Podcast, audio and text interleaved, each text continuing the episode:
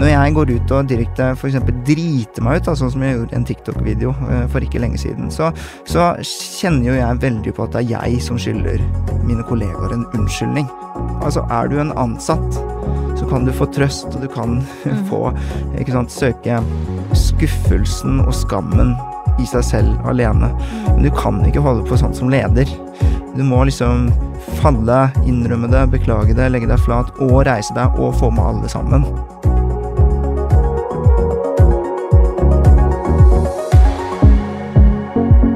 Veldig nysgjerrig på folk som på forskjellige måter utøver lederskap. Jeg har lyst til å komme under huden på dem som har rekt opp handa og tatt ansvar.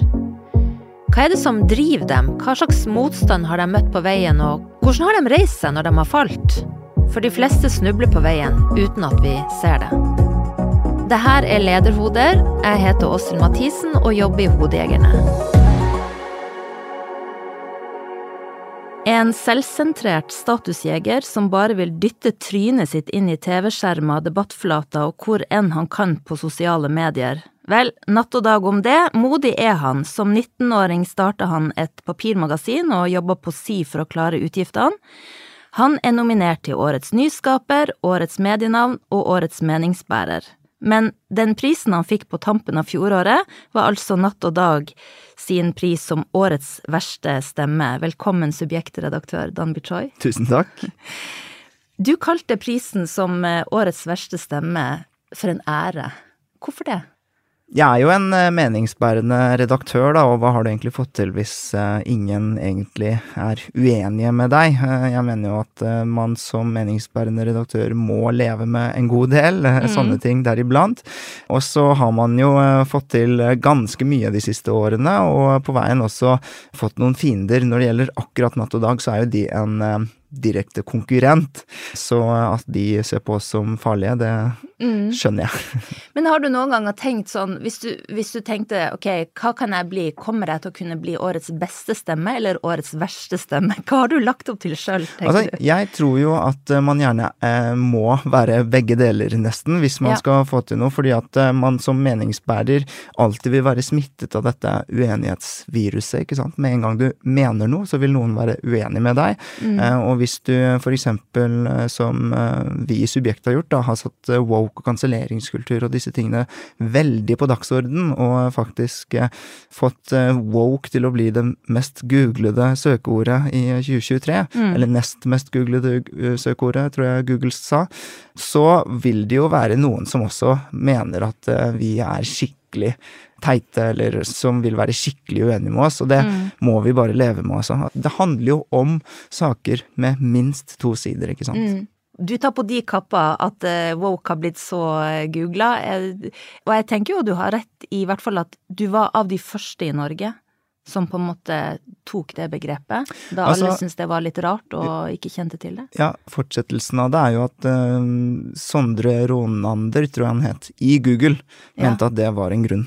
Så Kult. det var en del av forklaringen ja, eh, til at eh, woke var blitt så uh, mye googlet. Men altså, vi i Subjekt har jo skrevet mye om woke i fem-seks år nå, og i starten mm. så ble vi ansett som romvesener, egentlig. Hva var dette for et problem å ta opp, liksom, og, mm. og kunne den gang eksistere? nå tror jeg ganske mange er enige om at Eh, woke er et vesentlig problem. Da. Altså, ja. Det kommer jo også frem i uh, undersøkelser at eh, seks av ti mener woke har gått for langt, mens bare to av ti mener det motsatte. Mm. Og så skiller du deg jo, og det mener du jo sjøl òg, at du skiller deg fra andre redaktører. Du har sagt at du syns de er for redd og for opptatt av å bli likt.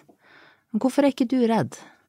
Jeg er øh, sikkert litt mindre redd enn andre, men eh, for meg er liksom saken nummer én, og jeg tror at øh, man aldri kan tape en debatt hvis man faktisk virkelig tror på, øh, og er helt overbevist om det man snakker om. Jeg tror jeg vinner over politikere i debatt fordi at de så veldig ofte må tildekke det de mener, fordi de så veldig ofte egentlig ikke mener det de sier, egentlig ikke helt tror på hva de sier også, og at de har et partiprogram å forholde seg til. Jeg tror ganske ofte så er det også sånn med redaktører at ja, den saken her, men ser det egentlig noe bra ut? Mm. Å publisere den nå? Sånne ting tror jeg stopper redaktører oftere enn vi liker å tro. Ja, de vil jo protestere vilt på det, sant. At man publiserer det eh, som man har funnet, når eh, man har funnet det. Ja, og så finnes det jo mørketall, selvfølgelig, men også ganske mange eksempler på at det har vært tilfellet, da. Mm. Eh, ikke bare i journalistikken, men for eksempel um, forskere frykter å krenke. Jeg mener jo det er uh, veldig, veldig leit, og det kommer frem i Institutt for samfunnsforsknings rapport at eh, eksempel funn om innvandring, det mm. kvier mm. forskere seg mot å fremsette. Mm. Jeg vil jo skylde på woke, fordi at man har blitt så veldig sårbare og så lettkrenkede og så fort rasistiske, da, hvis man fremsetter sånne funn. Mm. Jeg skal prøve å ikke gå inn i den woke-biten for mm. mye, for det snakker du mye om. Mm. Men jeg syns det er interessant at du som ung redaktør på en måte er en litt gammeldags redaktør, men det at du er en tydelig meningsbærer og bruker mye tid på det. Men hva tenker du om den, eh, det at redaktørrollen har forandra seg sånn, og at du som er veldig digital, da, ja. også er en meningsbærer. Ikke sant, for når du sier det du sier, så tenker jeg jo at jeg har sluppet å måtte digitalisere meg. Jeg er født veldig inn i dette, og har aldri opplevd egentlig noen offentlighet som ikke er veldig, veldig digital. Så mm. det meste er liksom veldig naturlig for meg. Mm. Uh, men når det gjelder eh, din andre observasjon, som jeg er helt enig med, så, så er det nok uh, helt sant at uh, redaktører er blitt blant annet mindre meningsbærende. Jeg syns jo det er synd. Morgenbladet sluttet med lederartikler. det er flere aviser som har sluttet med lederartiklene, som jeg mener er en uting, fordi man blir så veldig nøytrale og så nyhetsorienterte at uh, meningssjangeren forsvinner litt. Da. Så jeg mener jo at det er veldig bra med konkurranse. ikke sant? At uh, for eksempel Vårt Land og Dagen syns jeg har en heftig posisjon mot hverandre, og viktig posisjon mot hverandre. Det er to mm. veldig meningssterke, uh, meningsdrevne, verdibaserte aviser. Mm. Begge to kristne, men konservativ versus progressiv kristendom, kanskje. Ja. Og den posisjonen der, konkurransesituasjonen der, tror jeg gir leserne et skikkelig mangfold og et skikkelig sånn konkurransebasert medie. Mm bildet, da. Ja, fordi du har jo også snakka om eksempel eh, når vi møter kunstig intelligens, hvordan skal aviser overleve, på en måte? Mm. Er det da de meningsbærende avisene, tror du, som kommer til å klare seg? Ja, altså veldig mange redaktører er nå, eller i hvert fall journalister, er redde for KI nå, men eh, jeg syns altså det bare er helt kjempebra, fordi eh, altså den referatjournalistikken syns jeg gjerne skal møte konkurranse fra KI. Altså mm. jeg ser på KI som en kalkulator. Det er ikke noe Den kan hjelpe oss uh, heller. Og så tror jeg ikke vi som, som, sånne aviser som oss i Subjekt er noe særlig utsatt, fordi vi er en verdibasert avis, og mm. KI kommer ikke til å utfordre oss med det første. Så hvis man føler seg utfordra av KI som avis, er man kanskje på feil spor, da. Ja, det er, det er litt det. Få tydeliggjort prosjektet sitt. Mm. Ja. La oss ta litt uh, dette Altså tittelen på magasinet. Subjekt. Ja. Og det subjektive, fordi du har fortalt at du droppa ut av videregående fordi du orka ikke å gjøre som alle andre. Mm. Det syns jeg er litt sånn interessant personlighetstrekk og en drivkraft. Hvor tror du den kom fra? Jeg var nok ganske lite sånn eh, Jeg så ikke for meg hva slags historie det ble, eller hva Altså på den, det tidspunktet så følte jeg meg nok som en um, taper. Jeg hadde jeg, Eller jeg var så annerledes at jeg ikke greide å gå i samme spor som alle andre, ikke sant. Og jeg var jo veldig selvsikker, da, og sikker på at jeg kom til å sant, At jeg var for god for skolen, på en måte. Samtidig Forklar dette, en selvsikker taper. Ja, ja, ikke sant. Fordi samtidig som jeg følte meg som en som var for god for skolen, så følte jeg jo at uh, noe var rart med meg. Jeg så ikke for meg at jeg skulle bygge opp noe eget nødvendigvis som kom til å bli en suksess, eller mm. noe sånt. Det var bare noe rent faktisk jeg sto overfor som var sånn Dette klarer jeg ikke å fullføre. Jeg er ikke motivert for å gjøre dette mens jeg har lyst til å lage et magasin i stedet. Mm. Så jeg følte meg jo som, eh, som en eh, taper med tanke på at jeg ikke greide å liksom fullføre noe alle skulle gjennom. Mm. Og min mor var nok eh, veldig, veldig sikker på at jeg At dette kom til å gå veldig galt av sted, da. Men var du flink på skolen? Ja, nokså. Ja. Mm. Og dette altså ikke passe inn, fordi du hadde jo også en, en forflytning fra østkanten mm. med andre innvandrervenner mm, mm. til vestkanten. Tror du det virka inn? På hvem jeg er i dag, har det virket veldig mye inn. Fordi jeg altså var jeg har opplevd begge sider av Oslo. Ja. Men jeg var ti år da jeg flyttet fra øst til vest, og du blir glad av det meste, liksom, og er glad for det meste. Så, Mm. Og det var jo ganske lenge etterpå, syv-åtte år etterpå, jeg sluttet på skolen. Men jo, kanskje jeg ble litt sånn rotløs, da. Var du litt outsider når du kom til vestkanten? Var du Mm. annerledes? Nei, jeg husker at eh, folk påpekte liksom hvordan jeg snakket, at jeg sa dere i stedet for dere og sånn. Men Ja. Nordlending her, hører ikke forskjell. Nei. Utover sånne ting så Ja. ble jeg veldig godt tatt imot, altså. Så det Ja. var liksom en del fordommer og sånn òg, fordi jeg kom fra en sånn den stolte østkanten og skulle til Bærum plutselig, og var jo den eneste innvandreren i klassen da, fra å være i majoritet. Så, Mm. uh, men samtidig Jeg hadde noen fordommer, men de ble veldig fort avkreftet, altså. Ja. Mhm. Jeg blir jo veldig nysgjerrig på hvorfor du ikke følte at du orka å fullføre videregående. Ja, altså det var eh, noe med at eh, det, jeg ville en helt annen vei enn skolen ville at jeg skulle gå, til tross for at jeg gikk medier og kommunikasjon, liksom. Men det var altså en oppgave som handlet om å lage en magasinforside. Og da lagde jeg Subjekt. Eh, og så hadde jeg skikkelig lyst til å fullføre det. Eh, og jeg hadde Pussy Riot på coveret, eller sett for meg det, og litt sånne Ja, ting, da. Og la, lage sånn der opprørsk magasin med, uh, å intervjue hvem man ville, og sånn liksom ringe og være journalist og sånn. Det, Og da hadde du ikke tålmodighet til å liksom ok, det skal skje når jeg er ferdig med videregående, så skal jeg gå journalisthøgskolen, og så Nei, ikke i det hele tatt. Jeg måtte slutte med en gang. Og bare fullføre det, da. Og så hadde jeg fått meg noen venner og begynt å blogge i et magasin som het smug.no, og var eh, nettredaktør i Natt og Dag mens jeg lagde dette magasinet og sånn, så jeg følte jo at jeg hadde, jeg hadde nok av ben å stå på, kanskje, men Men hva med det subjektive? Hva, mm. Hvorfor eh, har du vært så opptatt av det? Jeg har jo hele tiden siden jeg har vært ung vært veldig opptatt av liksom dette med at man, man opplever verden veldig forskjellig, og det ble veldig krystallisert gjennom magasinet Subjekt, da. Nå er vi jo en nyhetsavis, eller en Mm. avis, men kulturavis, pleier vi å si. Men det var jo et feature-magasin, ikke sant, så den, den eh, journalisten kunne få lov til å være til stede i artikkelen og litt sånn. Og en litt sånn overbevisning om at objektivitet ikke finnes og sånn, da. Ja, jeg blir nysgjerrig på hvor det er du har henta de impulsene såpass tidlig da på videregående. Dette med at journalisten skal være til stede i teksten, Mm. det objektive ikke finnes. Du, jeg, jeg eh, begynte jo å blogge og sånt, eh, så jeg fikk jo en sånn der Altså, jeg har fått en veldig mye mer faglig tilnærming til journalistikk med årene, ja. men um, allerede da så var jeg ganske opptatt av at uh, media, den der objektive sannheten som mediene forfektet Altså, jeg mener det finnes noen objektive realiteter i verden, men, men at journalistene liksom uh, hadde lastet ned all verdens kunnskap nok til å si Mm. at noe var sant og ikke og sånn, det trodde jeg bare ikke på. Mm. Eh, Så jeg ble veldig opptatt av eh, at eh, ulike stemmer sammen dannet noe som nærmet seg ekte og saklig og sant, men, Mm. men at man skulle ha ulike perspektiver og innvendinger og, på ting, det, det kom tidlig, altså. Interessen for Interessen for hva man vedtok som sannheter og ikke og sånt. Du er jo eh, Hvor gammel er du nå? 30. 30, ja.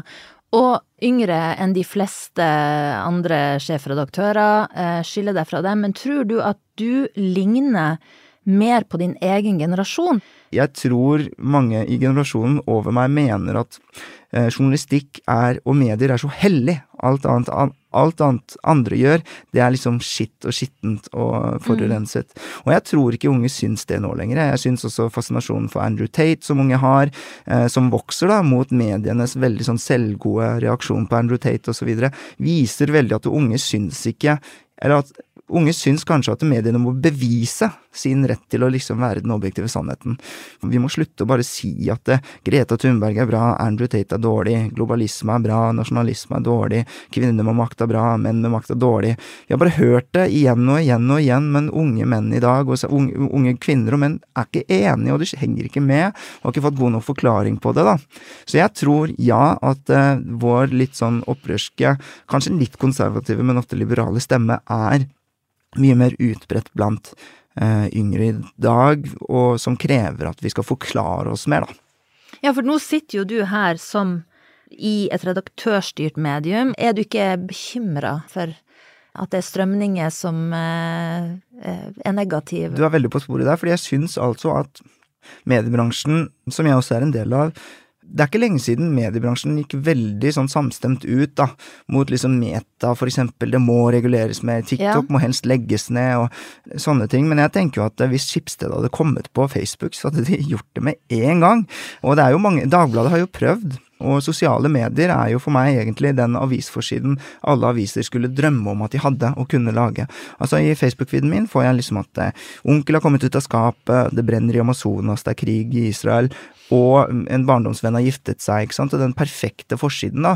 Og jeg tror egentlig at aviser også har veldig lyst til å lage det samme produktet, så eh, vi kan ikke være drevet av sjalusi. Vi kan ikke være Nei. drevet av at liksom eh, det går for bra med dem. Vi, vi må konkurrere på mer ærlige og ekte premisser, da, så jeg syns kanskje at når jeg sier disse tingene, så bygger vi faktisk mer tillit blant vanlige lyttere og folk, mm. eh, som ikke sant, eh, ikke forstår hvorfor de skal lese en avis i stedet for å være på Facebook, bare fordi at vi kjefter på dem. Det er ikke nok, liksom. Men algoritmene favoriserer jo det som gjør at vi får sterke følelser. Er du ikke bekymra for at man må mene sterke ting, eh, og ikke kan stå i midten eller ha et nyansert ståsted, og at det bare på Facebook blir borte? Det dør. Altså, vi i mediene er også veldig likt styrt, og jeg mener jo at liksom algoritmene er jo nesten noe veldig mange redaktører skulle ønske at de klarte å tenke så skarpt som en algoritme, liksom. Men jeg er jo enig i at redaktørstyrte medier er viktige fordi at vi nettopp eh, bringer Altså, men da må vi ha den konkurransen mot hverandre. Mm. Uh, og jeg tenker også det er viktig at vi krangler om leserne òg. Eksempel, jeg tror det var Klassekampens redaktør, eller var det Morgenbladets redaktør, som gikk ut og sa at eh, nå har Jon Fosse vunnet Nobels fredspris, og sjekk forsiden til VG, står ingenting om Jon Fosse, liksom. Og så står det masse Men i min avis er det Jon Fosse på coveret. Så det er sånn, ja, men samtidig så, så sier du jo at din smak er mye viktigere enn folk flests interesser, da. Det, liksom, det, kan jo hende at Jon Fosse ikke er viktigst for alle VG-lesere over det ganske land uansett. Mm. Det er viktig begge deler, men mediene skal Altså, jeg mener at clickbait og at vi er så leserorientert, det er liksom en dårlig kritikk, da, fordi journalistikk skal treffe mengdene, hvis ikke så blir vi jo elitistiske.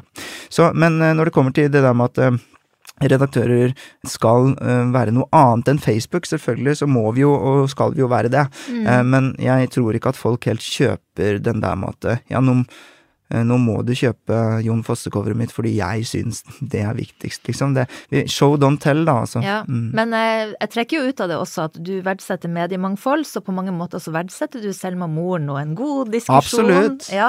Absolutt. Ja. Men litt sånn tilbake til deg som figur da, i offentligheten. Jeg syns det var litt gøy å lese at uh, Altså, da du starta opp med Subjekt, eh, og du var 19 år, så ville du gjøre alt sjøl, som Mira Craig. Ja. og da måtte jeg liksom gå tilbake og lese litt om Å ja, Mira Craig, ja, for at hun gjorde jo altså, alt sjøl, da. Og så syns jeg det var litt interessant at du sammenligna deg med en popstjerne. Er du, er du litt popstjerne? Kanskje ikke popstjerne, men på godt og vondt så har jo alle disse oppslagene og mediebesøkene gjort eh, meg ganske gjenkjennelig på gaten, i hvert fall. Jeg syns ikke det er så Jeg syns det rett og slett har kommet til et sånn ubehagelig nivå, i hvert fall på sånn treningsstudio og sånn, hvor man vil være litt sånn anonym. Ja. Ja, altså, jeg er jo med i mye i NRK-debatter og i TV 2-studioer og sånn for å diskutere ulike kulturspørsmål, og mm. etter hvert så blir det jo ganske mange som har sett på de tingene. Men for meg så er det jo veldig viktig å kjempe for disse verdiene som vi står for i Subjekt. Da. Mm. Og, eh, ja, for det kan jeg lure på litt. Når man, når man, er leder, og hvis man har et veldig stor rolle eksternt, så kan jo folk da nummer én bli stolt og være glad for at man er synlig. Så kan man også føle at lederen er ikke til stede, vil heller være i TV-studio enn å liksom være med oss. Og du er jo veldig eh, nøye med å skryte av de ansatte. Mm. Jeg tror du ble spurt om hvem det var som var den viktigste i, i fjor for deg, og da sa du de ansatte. Hvordan balanserer du det, og er det noen gang de blir lei av at du bare sitter i TV-studio og ikke er på jobb?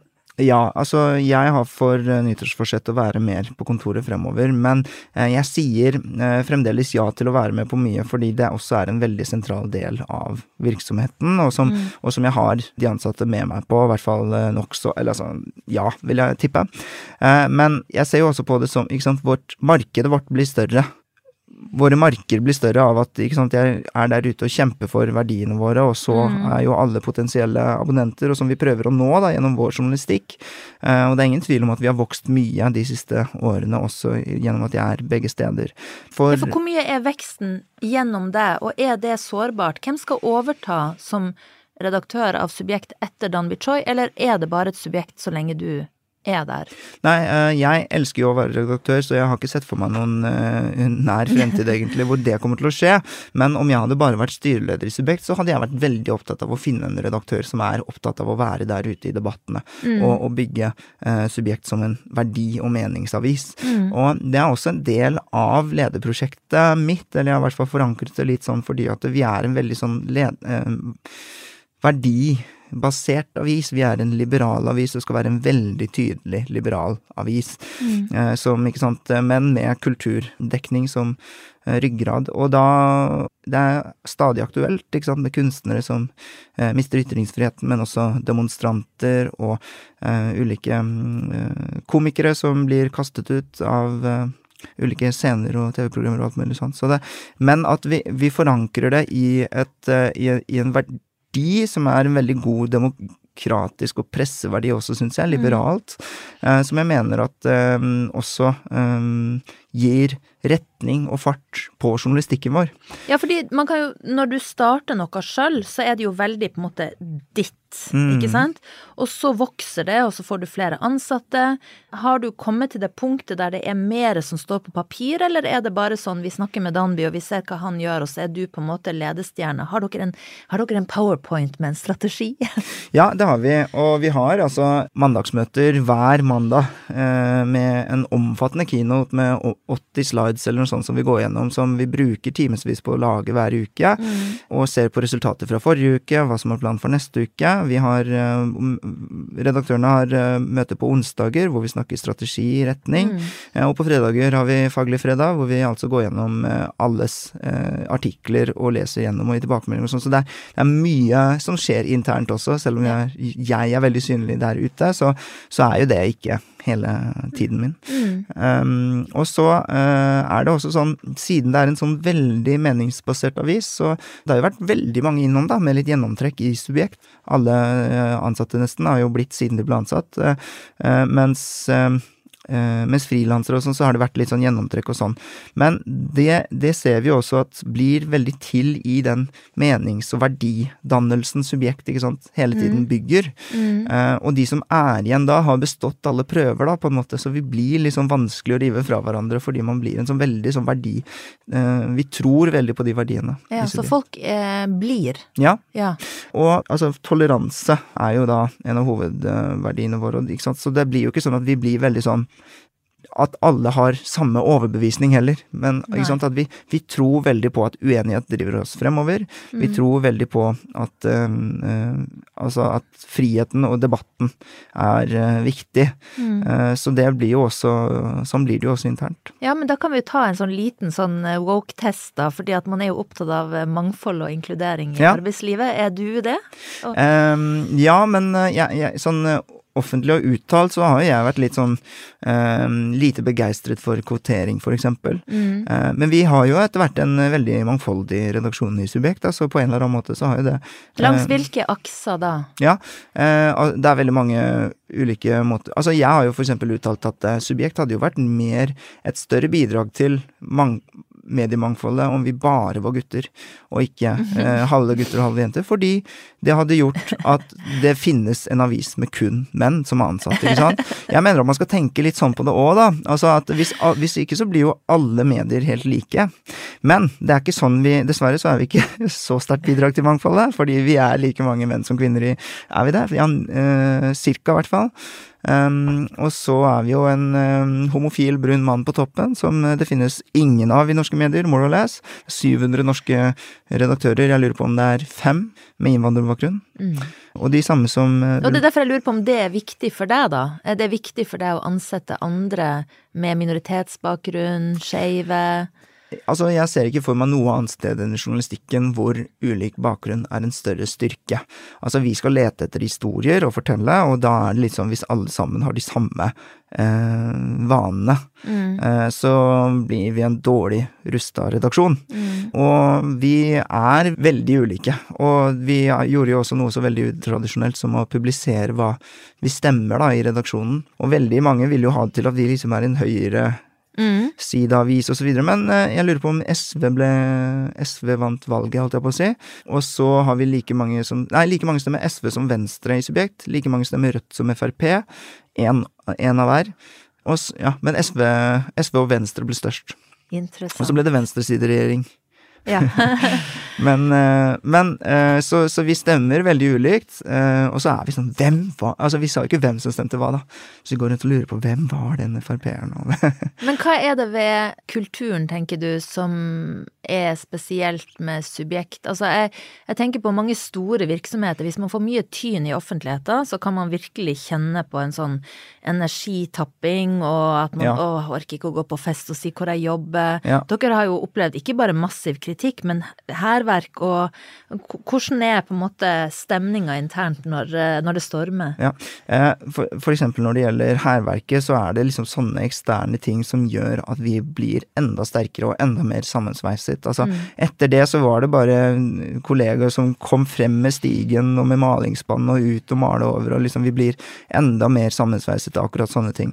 Når jeg går ut og direkte eksempel driter meg ut, da, sånn som jeg gjorde i en TikTok-video eh, for ikke lenge siden, så, så kjenner jo jeg veldig på at det er jeg som skylder mine kollegaer en unnskyldning. Mm. Og da legger jeg meg først flat for dem, eh, og sier at jeg kommer til å beklage dette. Jeg er veldig Mm. opptatt av at eh, hvis man eh, gjør feil, så beklager man. I hvert fall hvis, hvis man er en meningsbærer. Du kan ikke gå rundt og ikke mene ting. Mm. Eller mene ting du ikke mener. Ja, fordi du har Det har vært to ganger i fjoråret Mm. eh, som har vært ganske heftig. Det ene var da du hadde brukt subjekt til å forsvare Sofie Elise Mm. eh, etter det bildet der eh, med den famøse lille posen med det hvite pulveret. Og så var det nå da du stilte opp i en video med en av de dømte i den eh, overgrepssaken i Bergen. Mm. Begge gangene så gikk du ut og la deg flat. Men da sa du Du, du sa unnskyld internt først, var det i Mm. begge tilfellene, Mm. eller? Eh, ja. Som regel så gjør jeg det.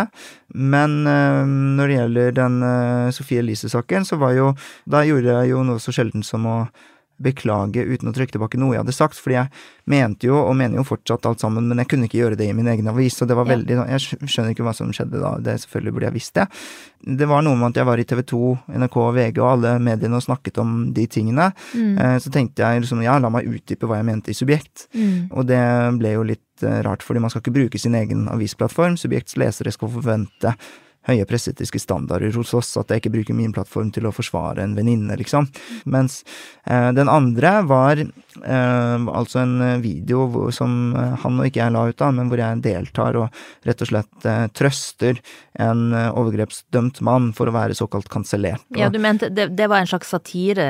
ja, det, ja, det var i hvert fall tiltenkt å være Ja. morsomt, og så ble det bare helt eh, utrolig mye dårligere enn jeg trodde det skulle bli. Og så var det veldig mange som reagerte på det, og det var jo så unødvendig av meg å være med på. Og eh, som redaktør så må man jo ha litt mer kontroll på hvordan ting kommer til å se ut. Jeg føler jo at den sånne ting er veldig synd fordi jeg etter hvert bygger opp en bevegelse, nærmest, da, med lesere og sant, folk som følger meg, og som støtter meg og abonnerer, ikke sant, som, og jeg er eh, en slags talsperson for mange, og så gjør jeg noe sånt, så vet jeg jo at det river ned veldig mye mer eh, enn og, og for mange, da, som støtter meg i offentligheten og liksom så, Mm. så, så Blir du skuffa over deg sjøl? Ja. Hva man gjør du da? Hva, hva er en sånn kveld når det har skjedd? Sitter du og spiser smågodt, eller er du på tur med hunden, eller hva? Eh, nei, men jeg kan sitte og eh, bare sånn nesten Bare sånn Eller i de sekundene frem mot man forstår at eh, Eller man har bestemt seg for at man skal beklage, så er det jo Det er en liten sånn prosedyre, selvfølgelig, med ta det opp med gjengen og, og disse Internt, ting. Internt, ja. ja. Men det er liksom man, man innser jo hva man har gjort galt, da, og så er det mange parametere samtidig. For det første liksom folk som mener jeg ikke burde beklage, og igjen, har man en mening, så vil noen være uenig med deg. Og ikke minst det der med at det, å reise seg opp igjen fra Altså, er du en ansatt, så kan du få trøst, og du kan Mm. få, ikke sant, søke skuffelsen og skammen i seg selv alene. Mm. Men du kan ikke holde på sånt som leder. Du må liksom falle, innrømme det, beklage det, legge deg flat, og reise deg, og få med alle sammen. Eh, Så det er Gjør jo du det alene? Har du ingen mentorer eller eh, støttespillere du Jo da, jeg har, jeg har gode venner, og Ja. det er en og annen redaktørkollega der ute som jeg ser opp til, som jeg plutselig kan ringe, og så Har du lyst til å fortelle hvem det er? Eh, Nei, altså, jeg har ringt eh, mange ulike folk, jeg, og ledere, og Ja. det kan være Kan du finne på å ringe til dem når, når det har Jeg har blåst? ringt uh, Vebjørn Selbekk en gang. Interessant. Han er en uh, type redaktør og leder som minner litt mer om meg, da, kanskje, enn andre Mm. redaktører. Ja. Er mye i debattstudioene og sånne ting. Vebjørn Selbekk og Dan Bichoy. Kanskje en litt umake par, men dere har Ja, mer til felles Det er mange som har sammenlignet med han, med han der i nord også. Hva heter han fra din by, Tromsø? Fjellheim. Ja, Ja, ja, ja, det er gjengen. det er gjengen. Eh, men hva tenker du er det eh, du, du sier at du er opptatt av noe nyttårsforsett, være mer på kontoret, beklage til gjengen først. Hva tenker du er det hva er det som gjør deg til en god leder? For jeg blir nysgjerrig på det her med å gå fra å på en måte ha et eget prosjekt til at det skal bli, være en bedrift med ansatte. Det er jo mange som ikke lykkes med den overgangen. Du, jeg er jo Altså, man sier om redaktører at eh, de beste journalistene blir redaktører.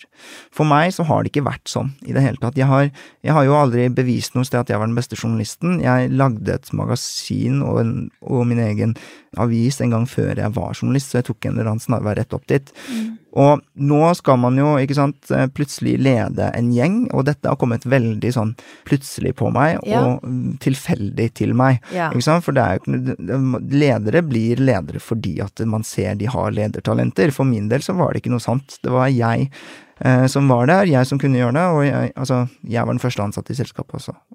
Så for det første er det ikke sikkert at jeg er verdens beste leder, altså, men jeg tror eh, veldig på at eh, Uh, man skal bygge uh, veldig tydelig, et veldig tydelig prosjekt. Og jeg tror dette verdiopphenget mitt har gjort uh, subjekt tilfeldigvis til en bedre, liksom sånn automatisk selvdreven ledestjerne enn Jeg har veldig tenkt veldig lite på at det har vært problemet, ikke sant, å bygge opp en verdi og mening, og at arbeidet er meningsfylt Ja. for mine ansatte og mine kollegaer.